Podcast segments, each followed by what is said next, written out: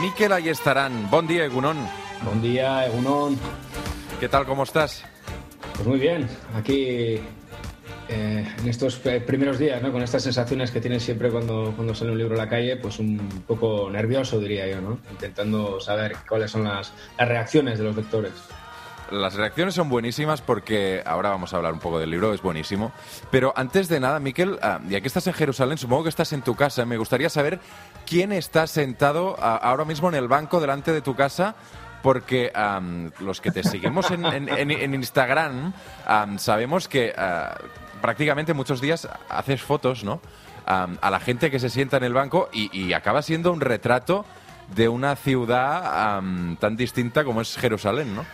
Bueno, ahora mismo, e, e, en estos mismos momentos no hay nadie porque hay un solazo de justicia aquí ya y, hay que esperar un poco, ¿no? Eh, hay que esperar un poco. el banco va cambiando de, de, paisanaje con el paso de las horas, ¿no? Ahora mismo no hay nadie, pero sí es verdad que esta, esta, esta bancografía, ¿no? Esta serie de bancografía que, que comencé justo con el inicio de la pandemia eh, y pensaba que iba a ser algo, pues no sé, pues una, pajarada mental, ¿no? Pues poco a poco, fíjate, se ha ido consolidando, llevo más de un año haciendo fotos y al banco o, a, los, a, la gente que se sienta o, a la ausencia de vecinos, ¿no? Las cosas que se dejan ahí. Eh, y como tú dices, pues se ha convertido en una forma, para mí ha sido una forma de, de contar la pandemia, cómo ha sido la pandemia aquí en, en, esta ciudad. Y ahora mismo es que pensaba dejarlo, ¿no? Dije, va un año y lo dejo. Y es que no puedo, ¿no? Ahí sigo día a día ha retratado desde judíos a ultra ortodoxos, a niños que acaban de salir de la escuela que se sienten ahí, madres, mujeres... Avui amb el periodista Miquel Ayestaran viatgem fins Jerusalem. Miquel, tú eres periodista freelance desde hace 15 años. Estuviste trabajando en Irán, en Irak, en Pakistán, en Líbano, finalmente en Jerusalén con toda tu familia. ¿Qué te llevó finalmente a este destino? Bueno, la verdad es que desde el año 2006 hasta el 2015 era un paracaidista que iba de, cobertura en cobertura y pasaba muy poco tiempo en casa, ¿no? Ahí hubo un momento, sobre todo ya tras el nacimiento de mis dos hijos, que teníamos que tomar una decisión familiar, ¿no? Ya no solamente profesional, y había que hacer algo. Había que hacer algo, teníamos que buscar un sitio donde se pudiera combinar los dos, los dos, los dos, la familia y el trabajo, ¿no? Eh, tuve mucha suerte, mi, compañera dejó su trabajo en, Euskadi y nos vinimos, nos vinimos a Jerusalén y la elección fue, un poco hicimos un casting regional, ¿no? Beirut, Cairo, Estambul y al final nos pareció, nos pareció la ciudad, eh, en primer lugar, más segura, es un, es un lugar muy seguro y, y, después era, era el típico sitio que yo siempre había tenido en la cabeza, ¿no? Entonces era, un, era como que todos los caminos de los, de los Ayestaranzu y Cerreta al final llevaban a, Jerusalén y mira, llegamos en 2015 y aquí seguimos, ¿no? Curso a curso. En el prólogo Jerusalén Santa y Cautiva cuentas que cuando escogisteis un colegio para, para, vuestros hijos, ellos venían de una Icastola, ¿no? Una, una escuela en el País Vasco donde la lengua vehicular de, de la enseñanza pues es el, el, vasco. Y acabaron estudiando en un colegio anglicano con alumnos de, de todo el mundo. Al final supongo que en tu casa sobre todo se habla a euskera e inglés, ¿no? Sí, sí, es una mezcla curiosa, es una mezcla curiosa, sí, los niños son euskaldunes, en casa hablamos euskera y venían, como dices, de una icastola. Eh, mi hija vino con seis y mi hijo tenía tres, con lo cual eh, él, venía con una... no hablaba nada, ¿no? Tuvo aquí una empanada mental de casi un año que no sabíamos si iba a hablar o no y al final sí, ya se soltó y ya, ya, habla, habla también, ¿no? Pero, pero es, muy curioso, ese, ese salto fue fue muy curioso, eh, sobre todo porque ellos les preguntaban, ¿tú de dónde vienes? ¿no? Y a un niño de tres años le preguntas de, seis años de dónde vienes y sabe justo lo que es su pueblo, ¿no? No sabía, no sabía ni lo que es Euskadi, ni lo que es España, ni lo que es Europa, ¿no? Ella conocía su pueblo, el pueblo de sus abuelos y poco más. Entonces, eh, fue, al principio fue un choque así bastante, bastante curioso y ahora con el paso de los años lo que nos ha ocurrido es eso, ¿no? que, el, inglés ha entrado de forma invasora, ¿no? El inglés eh, vamos, es como un Tetris, no sé cómo, definirlo, ¿no? Es un idioma que, puede con todo, ¿no? Y, Y así como a veces cuando, cuando vamos a Euskadi nos llama la atención esa mezcla que hay también entre, entre euskera y, español, ¿no? En las calles, eh, cómo se mezcla, sobre todo entre los más jóvenes. Aquí eh, en nuestra casa pasa, pasa otra cosa, ¿no? Tenemos una mezcla de English entre euskera y el inglés. Mm. Es también bastante, bastante curiosa.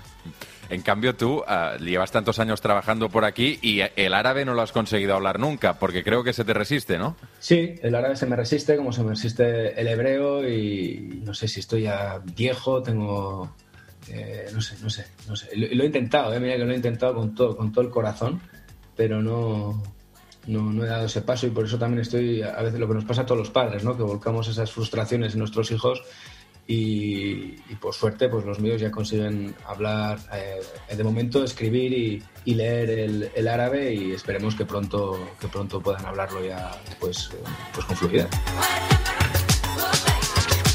Ah, supongo que Jerusalén es una ciudad con, sus propias reglas, evidentemente, y son muy distintas de, cualquier ciudad catalana o, del País Vasco. Por ejemplo, una cosa tan sencilla para nosotros como ir al supermercado, ¿no? Porque creo que no es tan fácil llenar la nevera con solo un súper, porque aquí los, los supers, los productos, en función de la religión, de cada barrio, pues a lo mejor tú tienes que, para llenar la nevera, ir a tres supers distintos, ¿no? Sí, sí, sí, sí. Es una cosa curiosa, por supuesto. Tienes tus centros comerciales, tus malls, ¿no? A las afueras de la ciudad, como al estilo, al estilo occidental, pero tampoco son como los que tenemos ahí, ¿no? Es otra cosa. Son otro tipo de productos y demás. Pero a mí que soy muy de compra de barrio, que me encanta, eh, esto es un poco como me recuerda a mí mi pueblo en los 80, ¿no? Son estas tiendas en las que, por supuesto, no hay precios en ningún lado, el tendero sabe todos los precios de memoria y, la fila de eh, estos ultramarinos donde los, las galletas, los botes de tomate, de mermelada, todos van hasta el techo, ¿no? Con lo cual tienen que hacer a veces malabares para bajarte una caja de cereales. Eh, pero como dices, hacer la compra eh, es, complejo en este tipo de sitios, pues como era antes en nuestros pueblos, ¿no? Pues tienes que ir, eh, pues el, pollo se compra en la pollería, la, la ternera en la, en la carnicería, pescado solamente tienen los viernes, por supuesto, si quieres comprar alcohol, sobre todo en la zona árabe, pues tienes que saber dónde está la tienda del cristiano de turno, si no, no vas a encontrar alcohol. y, poco a poco, pues bueno, al principio estás un poco perdido, lógicamente, pero luego cuando, cuando, pasan, cuando pasa ya el tiempo, pues ya controlas y, te tienes que hacer tu propio mapa, ¿no? Antes, antes de ir a la compra, en función de lo que necesitas, claro. Mm. Me ha sorprendido también que cuentas que es una ciudad cara, sobre todo para los extranjeros, ¿no? Yo no, no diría solamente cara, yo diría que es, eh, es, abusivamente cara, ¿no? Y con una moneda nacional como es el shekel, que yo no he conocido algo tan fuerte en, en mi vida y que además parece ajeno, ¿no? A todos los, a todos los vaivenes de la, de la economía tres veces más cara, por ejemplo, que tomarte un café cuesta tres veces más que, tomártelo en, Euskadi, ¿no? Con eso, y, todo es así, ¿no? Las proporciones, los alquileres son, los alquileres que pagamos aquí los periodistas y extranjeros son, son prácticamente como los que pagas en Manhattan y, el problema es que nunca, nunca, nunca recibes eh, lo que pagas, ¿no? Muchas veces esa es la discusión que tenemos entre todos, ¿no? Es, muy caro, sí, pero si, si recibieras lo que estás pagando, pero, pero no pasa, ¿no? Y, los precios siguen subiendo. Los judíos tienen mucho dinero y como ya hicieron antes cristianos y musulmanes, quieren que Jerusalén sea solo para ellos, una propiedad exclusiva. Fracasarán, como cristianos y musulmanes. Jerusalén está por encima del Estado judío. Supongo, Miquel, que las diferentes comunidades religiosas que viven en Jerusalén conviven, pero, pero sin mezclarse mucho, ¿no? Están muy segregadas. Exacto. Sí, sí, ese es el, concepto es ese, ¿no? Están, están juntos, pero no están revueltos, ¿no? De vez en cuando, en ocasiones muy puntuales, puedes ver que se hagan una, foto, ¿no? Los, los, grandes líderes, pero, o sea, los grandes líderes de cada comunidad, pero, pero prácticamente viven de espaldas, cada uno con su calendario, eh, con sus fiestas respectivas, que una ciudad a veces es una no ciudad, y tienes a las tres grandes religiones de, de libro que, están aquí tienen unos, unos, grandes defensores ¿no? de las tradiciones y están esas tradiciones por encima de todo. ¿no? Y es, es, a veces pues te da mucha pena ¿no? que, que, que, las piedras tengan mucho más peso que las persones. De fet, el, el Miquel Ayestarán ha dividit el llibre en, en diverses parts, en diferents religions, uh, una parte dedicada al barrio judío, al musulmán, al cristiano i també al armenio. Que también es, supongo, una manera de, demostrar y de, y de describir de alguna forma que cada vez la convivencia es, más difícil también entre estas religiones, ¿no? esta división siempre han existido estas comunidades, ¿no? Pero sobre todo se ha marcado por barrios desde la época de, los británicos, ¿no? Que fueron quienes les gusta mucho hacer este tipo de cosas a los británicos, no solamente aquí, sino en, todos los lugares donde han estado. Si os fijáis, siempre el tema de la segregación y de las divisiones lo suelen, lo suelen hacer a, rajatabla, ¿no? Aquí también tenemos esa división por barrios y, me parecía me parecía importante ir eh, barrio a barrio y hablando con la gente de, cada barrio para precisamente darnos cuenta de lo que tú dices, ¿no? Cómo eh, están tan juntos en un espacio tan reducido como es la ciudad vieja y cómo viven en, mundos totalmente diferentes, ¿no? Parece mentira, cómo la distancia eh, física es tan poca, pero la, distancia mental es, es, tan, es, tan, grande. Israel y por tanto también Jerusalén mm, seguramente se está convirtiendo cada vez más en un Estado más judío, ¿no? Más puramente judío. ¿Qué conflictos generan entre las otras comunidades? Mm, sí, bueno, si nos atenemos a los datos, por ejemplo, de las últimas elecciones, eh, las cuartas en menos de dos años, la fuerza más votada en Jerusalén ha sido Judaísmo Unido del Pentateuco, ¿no? un partido ultraortodoxo. Y, y si nos atenemos a, la nueva formación del, del, Parlamento, vemos cómo ha entrado una formación que se me acaban los calificativos, no sé, sería ultranacionalista, radical eh, y todos los ultras que queráis poner, que se llama sionismo religioso, ¿no? Mm, un partido que directamente pues no, no acepta la presencia de, árabes y, habla de, que Israel es solamente para, para, los judíos, ¿no? Ese es el, discurso que tiene este, este partido que que si Netanyahu forma gobierno va a estar en el, en el va a tener ministerios, ¿no? Eh, un poco eh, lo que te das cuenta es que eh, al final las sociedades multiculturales y multiconfesionales pues no son, no son operativas, ¿no? Y, al final es la, la, la, parte, o sea, la mayoría no, no termina de, digerir su victoria y sobre todo no termina de, de comprender la importancia y el peso que tienen que tener las, minorías y sobre todo en un sitio como este. ¿no? Y eso es algo que hemos visto a lo largo de la historia eh, según eh, el grupo que ha, estado, eh, ha tenido la fuerza. ¿no? Ahora mismo la fuerza la tienen los judíos, en el pasado la tuvieron los musulmanes, intentaron islamizar esta ciudad, los cristianos la intentaron cristianizar y ahora estamos en, este momento que son, son, los judíos quienes tienen la, fuerza y el poder. Y, la verdad es que parece que no se han aprendido las lecciones del pasado. ¿no? Al final se vuelve a caer siempre en el mismo error y se trata de, capturar a Jerusalén en exclusiva eh, y, no, y no hacerla, digamos, una, ciudad universal, como yo creo que es. Sí, pero ni cristianos, ni musulmanes, ni judíos han conseguido conquistarla del todo, Jerusalén, ¿no? ¿Qué tiene Jerusalén que a lo largo de la historia eh, nadie ha podido conquistarla del todo y al final es esa convivencia mal llevada de todas estas comunidades? Esa es la pregunta, ¿no? ¿Qué tiene este sitio? Desde de tantos años para que estemos dándonos de palos unos y otros por, esta, por este lugar. ¿eh? Es la pregunta cuando llevas aquí mucho tiempo y dices, pero, pero ¿qué tiene este sitio? ¿no? Pues no sé qué tiene, pero, pero algo tiene. Y, o sea, no somos los primeros que nos estamos haciendo esta pregunta, ¿no? Llevamos eh, miles de años ya con, con, con, este lugar como epicentro y como un lugar codiciado, deseado por, por, los diferentes grupos, ¿no? Ahora, la verdad es que eh, energía tiene, ¿no? Energía tiene, mucha energía y, sobre todo tiene una, una, un doble cruce de narrativas, ¿no? Una narrativa histórica y una, una narrativa religiosa y a la vez una narrativa política en diferentes niveles y, todas están totalmente eh, enfrentadas, ¿no? Eh, todo el mundo aquí quiere ser, el gran debate es, todo el mundo quiere ser aquí el primero, ¿quién fue el primero? ¿Quién fue el, quién, quién es el, tienes que ser el, eh, el, que hace más, el que es una, es una competición constante, ¿no? Yo creo que eso es lo que tiene, ¿no? Es una ciudad que fomenta esa, esa competición entre, entre grupos y claro, eso es, es una espiral que no tiene, que no tiene fin. No? Avui al suplement Jerusalem Santa i Cautiva, l'últim llibre del Miquel Ayestaran.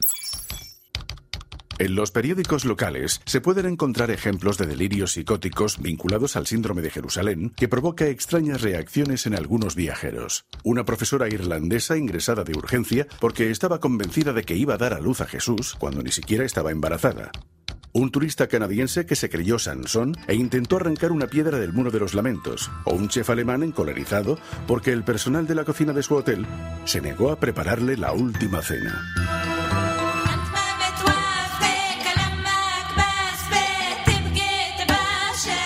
Miquel, ¿el síndrome de Jerusalén realmente existe? ¿Qué, qué es este síndrome que describes? Bueno, el síndrome de Jerusalén existe, ¿no? Los, los, cuando hablas con, aquí con los médicos, pues ya te, te explican, ¿no? Son, esta, son, la gente que tiene estas alucinaciones que, que, se piensan pues, que han visto a Jesús o que están paseando de la mano de la Virgen por, por, la ciudad vieja, eh, un poco que se trasladan, ¿no? Eh, digamos, debido a las emociones que sufren eh, cuando, cuando llegan a, este lugar, se trasladan a, a, la, a la época bíblica y, se creen que se creen que, están conviviendo ¿no? con personajes de esa, de esa época y que, que son vamos, pues que son prácticamente parte del equipo de, Jesús, ¿no? que, que, les ha venido a, ha venido a estar con ellos en la última cena. ¿no? Eh, y se lo creen, se lo creen, realmente se lo creen. Hay un capítulo dedicado al barrio cristiano, explicas que hay un negocio que se dedica a alquilar cruces enormes de madera para que los turistas sí. puedan uh, revivir el Vía Crucis que supuestamente hizo Jesús por las calles de Jerusalén. Bueno, eh, es, digamos al final, eh, a mí, por ejemplo, las procesiones aquí me parecen mucho más, eh, mucho más saladas, mucho más populares que, que en España, ¿no? Cuando veo pues, las, las, procesiones de Semana Santa, por ejemplo, en, en Sevilla y demás, me parecen joder, todo me parece tan, tan, como tan formal, tan serio, tan lúgubre. Aquí eh, normalmente todas las procesiones suelen ser bastante festivas, ¿no? Desde el Domingo de Ramos hasta muy, muy populares, toda la gente cantando, eh, eh, grupos venidos de todo el mundo. Bueno, ahora con, con, la pandemia pues no ha sido así, lógicamente, pero es otra forma de, de, vivir la religión, ¿no? Y en el Vía Crucis pues te llama eso la atención, ¿no? Hay, un, hay una persona que se dedica a alquilar cruces y sobre todo son grupos de cristianos llegados de Latinoamérica y de Asia, ¿no? Son los más, eh, los más fervorosos que claro, ellos están, la, su pregunta constante es, eh, pero ¿pasó Jesús por aquí? ¿Pero paró realmente Jesús aquí?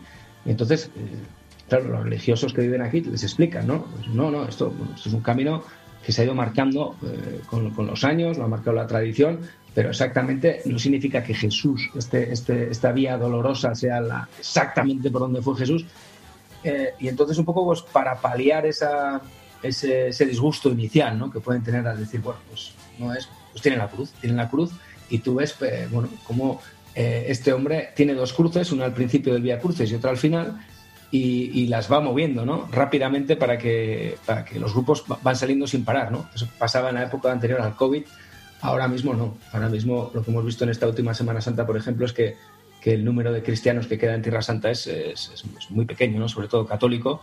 Aquí son, más ortodoxos y, al estar cerrado la, llegada de, de, peregrinos extranjeros, pues ha sido una semana diferente y este hombre pues no ha hecho no ha hecho tanto negocio con la cruz. Hablas también del caso de Santiago, un hombre californiano que lleva 10 años viviendo en las calles de Jerusalén intentando vivir como Jesús, uh, va descalzo, durante el día se dedica a pregonar pasajes de la Biblia. O sea que hay un poco de todo, ¿eh? Bueno, este hombre es un crack. Santiago de Michigan es uno de los personajes, eh, es, como el Living Jesus, ¿no? Que le llaman aquí. Además, toda la... Joder, si... Os tengo que pasar algunas fotos, ¿no? Para que las, las veáis en redes. O si... El, el, toda su... O sea, la melena que tiene, siempre vestido de blanco, va descalzo, eh, con su cachava en la mano y, aparenta, eh, claramente es el típico modelo de Jesús, ¿no? Que tenemos en la, en la, en la, en la cabeza todos cuando nos hablan de, de Jesucristo, ¿no? Eh, sin embargo, eh, yo, y después de hablar aquí también con muchos religiosos, yo no estoy seguro que sea un caso de, síndrome de Jerusalén puro y duro, ¿no? Todo lo indica, pero luego hablas con él y es una persona muy cabal, ¿no? Y, él te dice en todo momento que él no se, él no piensa que está con Jesús, ni con la Virgen, ni con los apóstoles, ¿no? Él lo que pasa es que está esperando al, juicio final, está esperando a que llegue la Jerusalén celestial, ¿no? Que es, eh, es lo que también espera mucha gente, ¿no? Que, viene aquí, que le toque casualidad en, Jerusalén, ¿no? Eh, bueno, eh, personajes, ¿no? Que te vas encontrando aquí. En su caso lleva 10 años viviendo en, en, en las calles de la ciudad vieja, no tiene casa, no tiene pertenencias, nunca lleva dinero, eh, vive de la caridad y, y, el tipo es de Michigan, habla un español bastante correcto y su primer modelo a seguir fue Ignacio de Loyola. Pero siempre decía que es el Ignacio de Loyola anterior a la fundación de los jesuitas, ¿no? Como que ahí ya se, se, corrompió Ignacio Loyola, ¿no? Haciendo un grupo así como los jesuitas y a él le gustaba el anterior, ¿no? El, más, eh, el, que, pasó por Cataluña, el, anterior a llegar a Jerusalén, el, hombre que estaba realmente viviendo en la calle.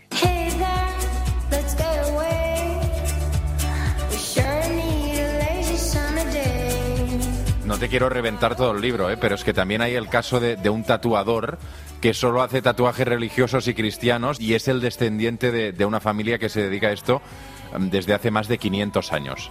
Sí, los Razuk. Esto, esto es buenísimo, esto es buenísimo. Yo, no soy nada de tatuaje, ni de piercing, ni demás, pero es que este, en este sitio es que es que es un sitio alucinante, ¿no? Porque es un tipo de melenas de metro ochenta, morenazo, con una Harley Davidson en la puerta del estudio de tatuaje. Lo que pasa es que el estudio de tatuaje está en pleno barrio cristiano, unos metros del Santo Sepulcro, y, lo, y, él se dedica exclusivamente al tatuaje religioso.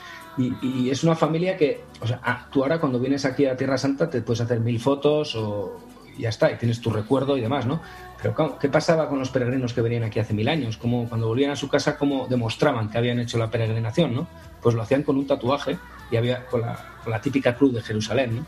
Entonces este hombre ha ido guardando los sellos para tatuar de, su familia desde hace cientos y cientos de años, ¿no? Y los tiene ahí. Entonces tú le ves ahí todo moderno, con su motaza, escuchando Nirvana, la gente que está esperando para tatuarse y son pues, monjas, frailes, peregrinos venidos de todo el mundo. Es muy, muy, muy, muy atípico, ¿no? Mm. Y, no sé, como, pasa con el caso de Razuk, de este tatuador, me pasa, me ha pasado con cada personaje de este libro, ¿no? Que, puedes hacer un libro de cada uno de ellos. O sea, es que es maravilloso, ¿no? Poder hacer la historia de los tatuajes en Tierra Santa a través de los Razuk, pues sería otro libro, ¿no? Eh, es interminable. Yo al final he tenido que dejar una cantidad de material fuera que, que, que vamos, que, le estoy dando vueltas a ver qué hacer con todo eso, ¿no? Això és només un tastet del Jerusalem Santa i Cautiva, aquest nou llibre del periodista, company corresponsal a Jerusalem, el Miquel Ayestaran. Avui teníem ganes de, de xerrar amb ell. Miquel, eres de la Real, no, tu? Eh, por supuesto, por supuesto. Hemos tenido una pues, semana buenísima, ¿no? Tú dirás, tú dirás, y... felicidades, opa, felicidades. Opa, ahora, ahora, ahora, nos toca a nosotros, a, a, los del Barça, porque tienen la reválida, ¿no? Los del Bilbao. Sí, sí, sí. Ahora ahora os toca, no vamos, a ver qué pasa en el partido. La verdad es que los leones siempre son leones. Eh, fue una final atípica, ¿no? La que nos tocó a nosotros, todo fue atípico. El hecho de estar 34 años y jugar una final, el hecho de que te toque en plena pandemia y tengas que esperar un año para, para jugarla, porque los dos equipos queríamos hacerlo con afición, eh, que juegues una final en la cual no se tiene ni un tiro a puerta más que un penalti y, y, lo metas, ha sido todo muy, muy atípico, pero, pero menos mal, ha terminado bien para, para, para nosotros y aquí en Jerusalén la verdad es que lo celebramos por todo lo alto. Molt bé, clar que sí. Uh, Miquel estarà. moltes, moltes gràcies avui per atendre'ns des de Jerusalem. Recomanem també moltíssim aquest Jerusalem Santa i Cautiva. Una abraçada ben forta. Una abraçada.